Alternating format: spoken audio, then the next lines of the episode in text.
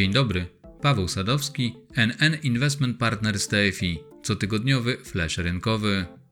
W zeszłotygodniowym nagraniu Wojtek Kiermacz wspominał m.in. o październikowych wstępnych szacunkach tempa wzrostu cen w Polsce, które przebiły większość rynkowych prognoz.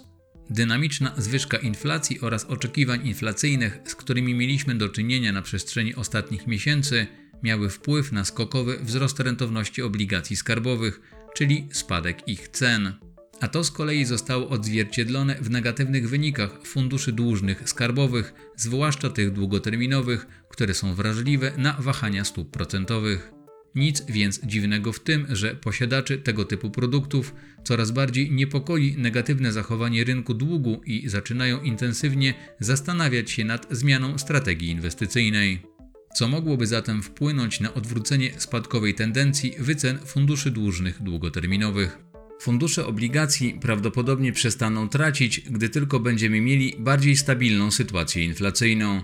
Punktem wyjścia do obecnej sytuacji jest początek roku. Mieliśmy wtedy rentowności obligacji dziesięcioletnich na poziomie 1,1%. To było niewiele. Po zeszłotygodniowej podwyżce stóp procentowych przez Radę Polityki Pieniężnej rentowność tych samych obligacji zanotowała poziom 3%, ale w porównaniu z inflacją oprocentowanie dalej jest niskie.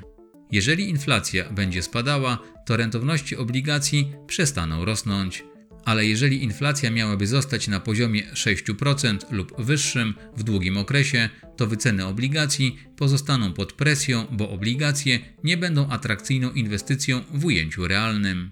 Kiedy zatem możemy spodziewać się stabilnej sytuacji inflacyjnej? Niewykluczone, że stanie się to wtedy, gdy wzrost cen osiągnie swój szczyt, być może w okolicach 7% rok do roku. Jest to poziom, który może wywołać spowolnienie gospodarcze któremu dodatkowo ze względu na efekt bazy będzie towarzyszyć już mniej dynamiczny wzrost inflacji, a może nawet jej spadek. W 2022 roku inflacja w ujęciu rok do roku będzie porównywana z wyższym poziomem niż w 2021 roku. Takich warunkach dalsze podnoszenie stóp procentowych okaże się nieuzasadnione, co powinno zostać odwzorowane w pozytywnym zachowaniu instrumentów skarbowych znajdujących się w portfelach funduszy o większej wrażliwości na wahania stóp procentowych. Do momentu realizacji wspomnianego scenariusza to rozsądnym wydaje się, aby w obrębie funduszy dłużnych wybierać te o niewielkiej wrażliwości na wahania stóp procentowych, czyli o krótkiej duracji, takie jak NN Obligacji Plus czy NN krótkoterminowych obligacji. Są one, w przeciwieństwie do NN obligacji, w większym stopniu oparte na obligacjach o zmiennym oprocentowaniu. Przy tej okazji warto wspomnieć o prognozach resortu finansów w odniesieniu do kształtowania się cen w przyszłości. Wiceminister finansów Piotr Patkowski, zapytany czy inflacja w Polsce może dojść do dwucyfrowego poziomu, powiedział: Maksimum, jeśli chodzi o odczyt inflacyjny, to trudno się na ten moment wypowiadać.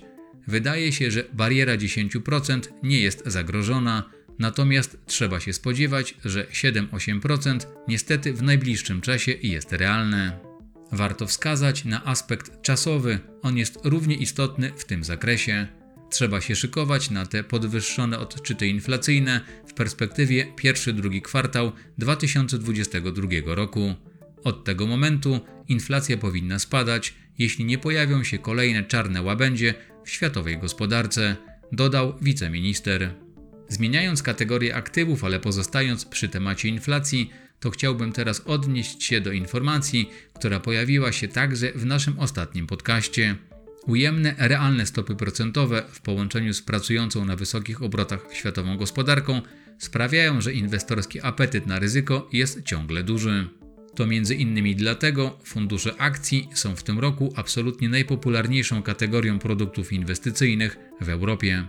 Wysoką i niesłabnącą popularnością cieszą się również fundusze mieszane, w których część inwestorów szuka alternatywy o wyższym potencjale zysku i ryzyka dla niekorzystnych wycen funduszy obligacji. Ta tendencja widoczna jest również wśród krajowych posiadaczy produktów inwestycyjnych. W związku z rosnącym zainteresowaniem funduszami z udziałem akcji rodzi się pytanie o przyszłe stopy zwrotu z tej klasy aktywów. Gdybyśmy przy odpowiedzi posiłkowali się wskazaniami wzorca sezonowości indeksu 500 przedsiębiorstw o największej kapitalizacji, które notowane są na nowojorskiej giełdzie, to listopadowe stopy zwrotu powinny być zadowalające. Od ponad 35 lat to listopad był najsilniejszym wynikowo miesiącem w roku z medianą stopy zwrotu na poziomie plus 2,1%.